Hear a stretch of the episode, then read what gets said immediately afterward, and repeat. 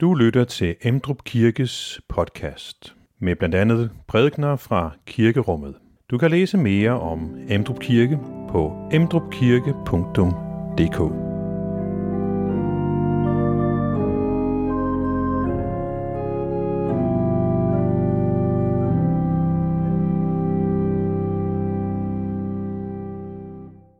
Glædelig jul til jer alle sammen.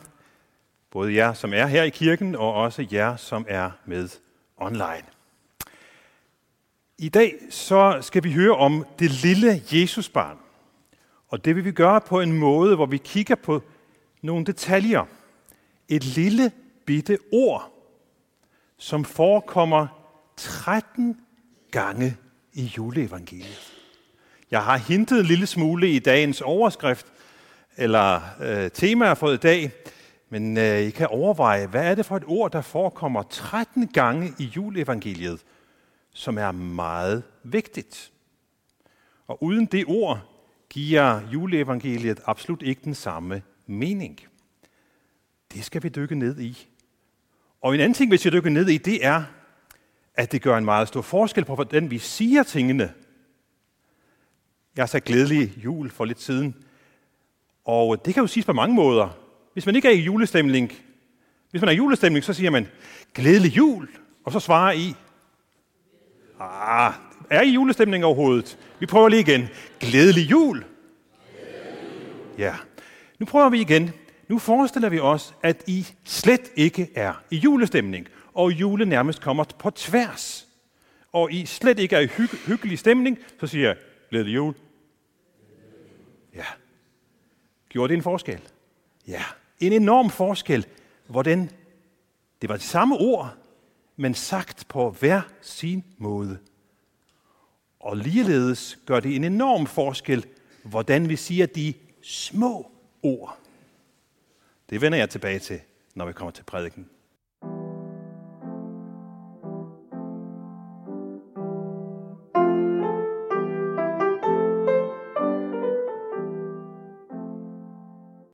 Dette hellige evangelium skriver evangelisten Lukas. Og det skete i de dage, at der udgik en befaling fra kejser Augustus om at holde folketælling i hele verden. Det var den første folketælling, mens Quirinius var stattholder i Syrien. Og alle drog hen for at lade sig indskrive hver til sin by. Også Josef drog op fra byen Nazareth i Galilea til Judæa til Davids by, som hedder Bethlehem, fordi han var af Davids hus og slægt, for at lade sig indskrive sammen med Maria, sin forlovede, som ventede et barn.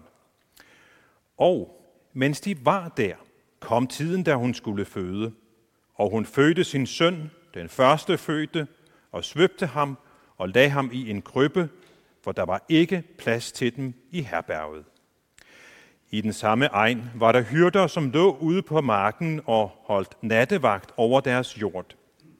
Der stod Herrens engel for dem, og Herrens herlighed strålede om dem, og de blev grebet af stor frygt.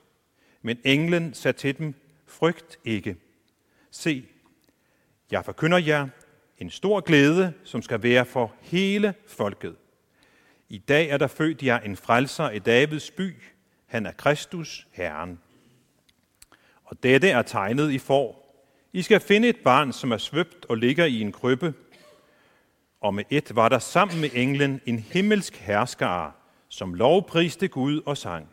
Ære være Gud i de højeste og på jorden. Fred til mennesker med Guds velbehag. Amen.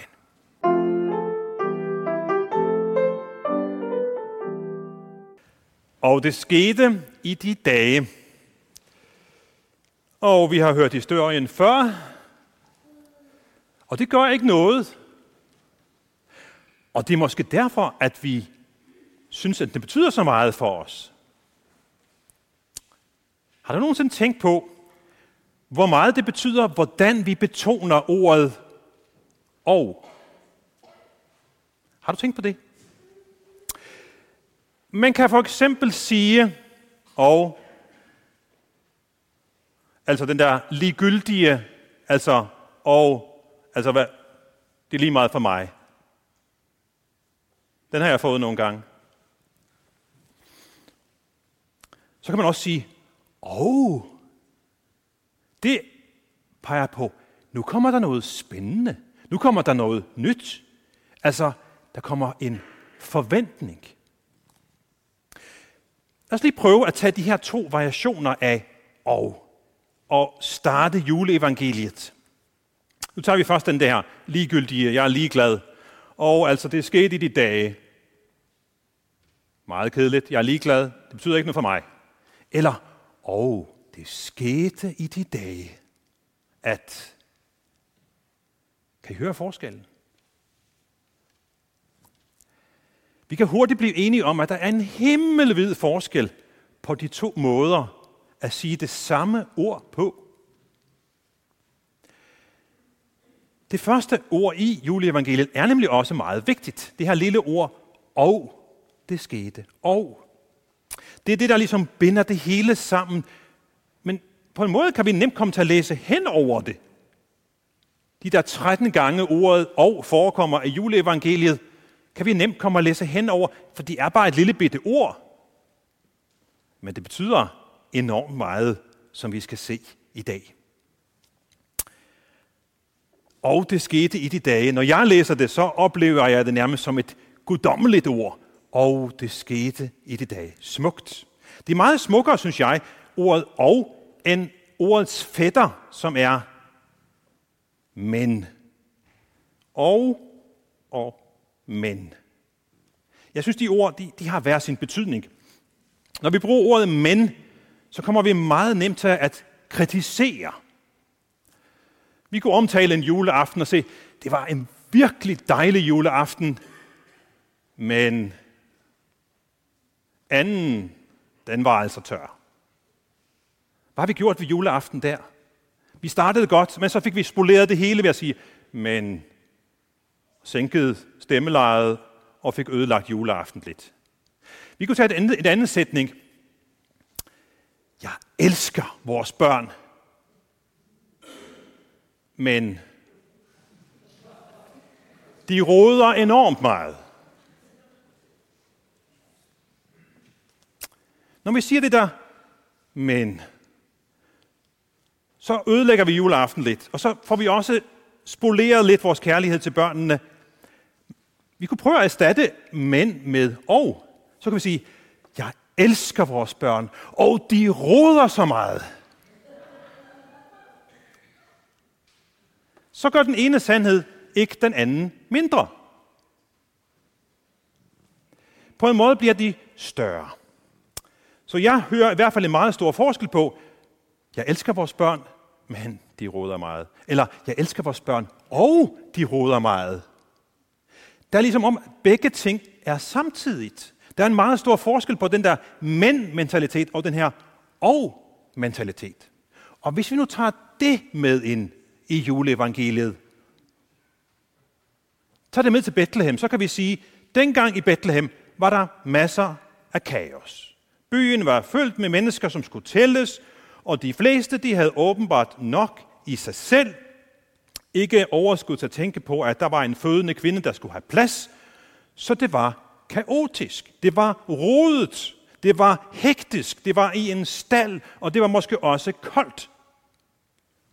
Og det var her, Gud lod sin søn føde.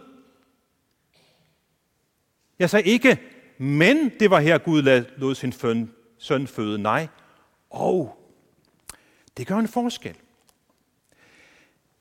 Der var dårlige forhold, det var kaotisk, og det var her Gud kom til verden. Det fortæller mig, det fortæller os, at Gud, som har skabt verden, han holder sig ikke væk fra vores råd, vores kaotiske liv. Juleevangeliet fortæller os, at han ved alt om vores liv. Han kender det. Og flytter ind i det. Vil gerne ind i det. Det er ikke sådan, at vi først, at først var der mørke og kaotisk i vores verden og i vores sind, men så kom Gud, og så blev alt, det gå, alt godt. Nej, Jesus blev født ind i vores verden. Ind i vores kaos. Og det kan man på en måde sige er juleevangeliet i en magiternik. Og hvis I ikke kender den formulering, så betyder det altså, at det er essensen, det som julen smager af. Verden er kaotisk og rodet, og Guds søn blev født ind i vores verden for at bringe lys og fred. Begge dele samtidigt. Den Gud, der lader sig føde i en rodestal, han viser, at han kan rumme de mest kaotiske liv. Også dit liv. Vi skal ikke tænke, at ah, jeg, jeg må lige først have styr på mit liv, og så kan jeg komme til Gud. Nej. Gud siger, kom til mig. Alle I, som slider, trætte og bærer tunge byrder. Altså kom til mig, alle, som ikke har styr på det hele i jeres liv. I bliver ikke afvist hos mig. Så juleevangeliet vil sige med det der og, at dit liv og Gud, ikke dit liv, men Gud, nej, dit liv og Gud. Gud vil gerne have fællesskab med dig og alt dit liv. Sådan som det er nu. Og det minder det næste gang, der kommer et og i juleevangeliet os om. Der står, og alle drog hen for at lade sig indskrive, også Josef og senere med Maria. Altså Josef og Maria. Igen er det der og et meget smukt ord. Lidt i kontrast til ordet, nu tager vi lige en andet ord med, men, med, med M, ordet mig. Vi er så nemt at tænke mig, mig, mig. Og vi er nærmest opdraget til det i vores samfund. Vi skal fokusere på, hvad jeg kan, vores egen udvikling. Og jeg tror faktisk, at vi i løbet af de seneste mange år har fokuseret mere på i mig, end på os. Fællesskabet. Forskellen på den her mig og og-mentaliteten er ved, at hvis vi fokuserer på mig, så sætter vi os selv øverst. Den her og-tanke, den tænker alle de andre med. Og-tanken sætter næstens behov højt. Og det kan Josef lære os. For Josef, han spiller en meget underspillet rolle. Han er ikke engang far til Jesus. Det har Helligånden taget sig af. Og forløbet er nok heller ikke det, som Josef havde forestillet sig, som mon ikke Josef havde drømt om en kernefamilie derhjemme i Nazareth, og ikke det her rod, som han oplever, en forlovet, der skal føde Guds søn, og en verden, der er kaotisk omkring dem. Men Josef tænker ikke primært på sig selv, da han vælger at blive sammen med Maria. Han vælger at være der for hende og leve med altid at være en biperson. Så Josef tænker ikke mig, mig, nej, han tænker Josef og Maria. Han gør det, han skal for Marias skyld, og i sidste ende for Guds skyld. Så igen er dette og juleevangeliet i en magiterning, at vi er sat ind i en sammenhæng. Vi er forbundet med nogle mennesker. Vi er forpligtet på det fælles liv. Så fællesskabet skal udvides med et mig og dig. Ikke bare mig og mig.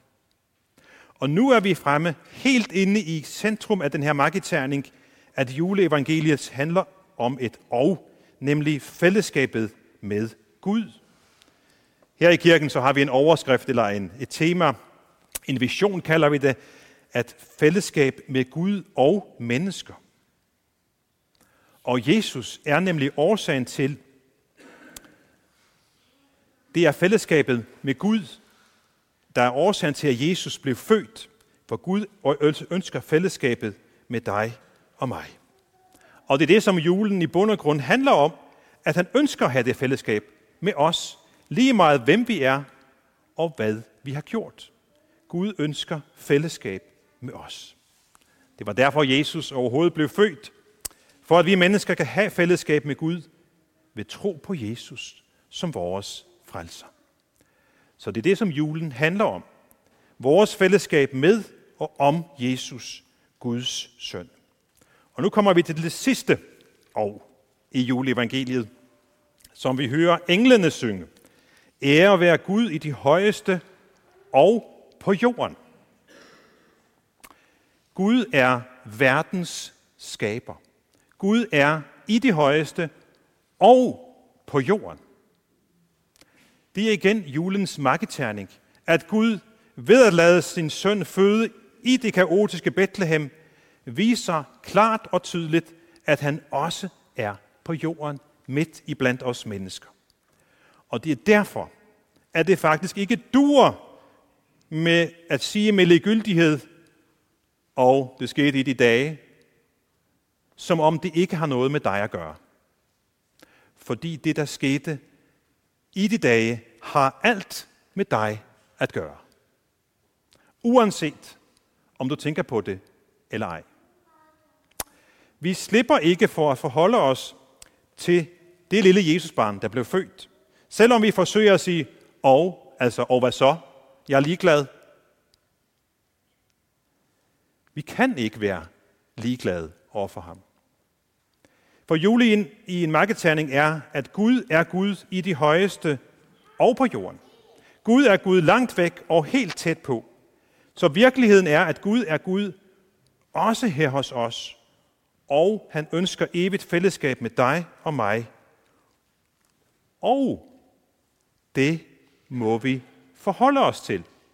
Og derfor er det, vi slutter af med den sidste variation af og, nemlig som et spørgsmål. Et åbent spørgsmål, hvor vi kunne sige, Gud er Gud i de højeste og på jorden. Og så kommer det her spørgsmålet. Og hvad betyder det for dig?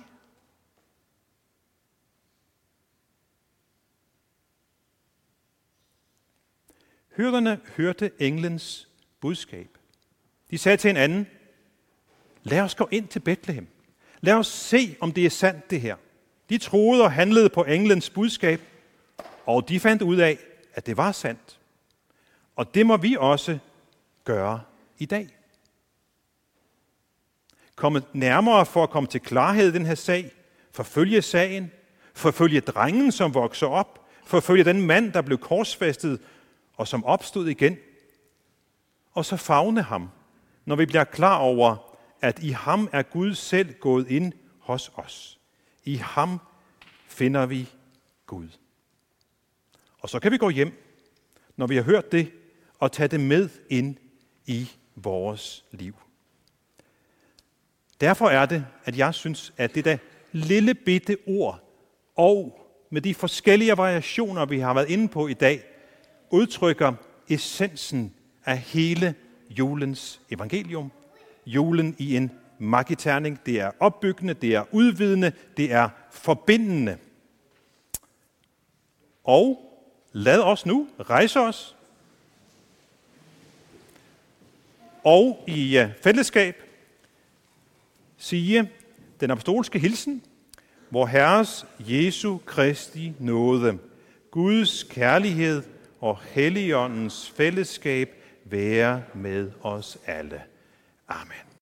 Find flere podcast og læs mere på emdrupkirke.dk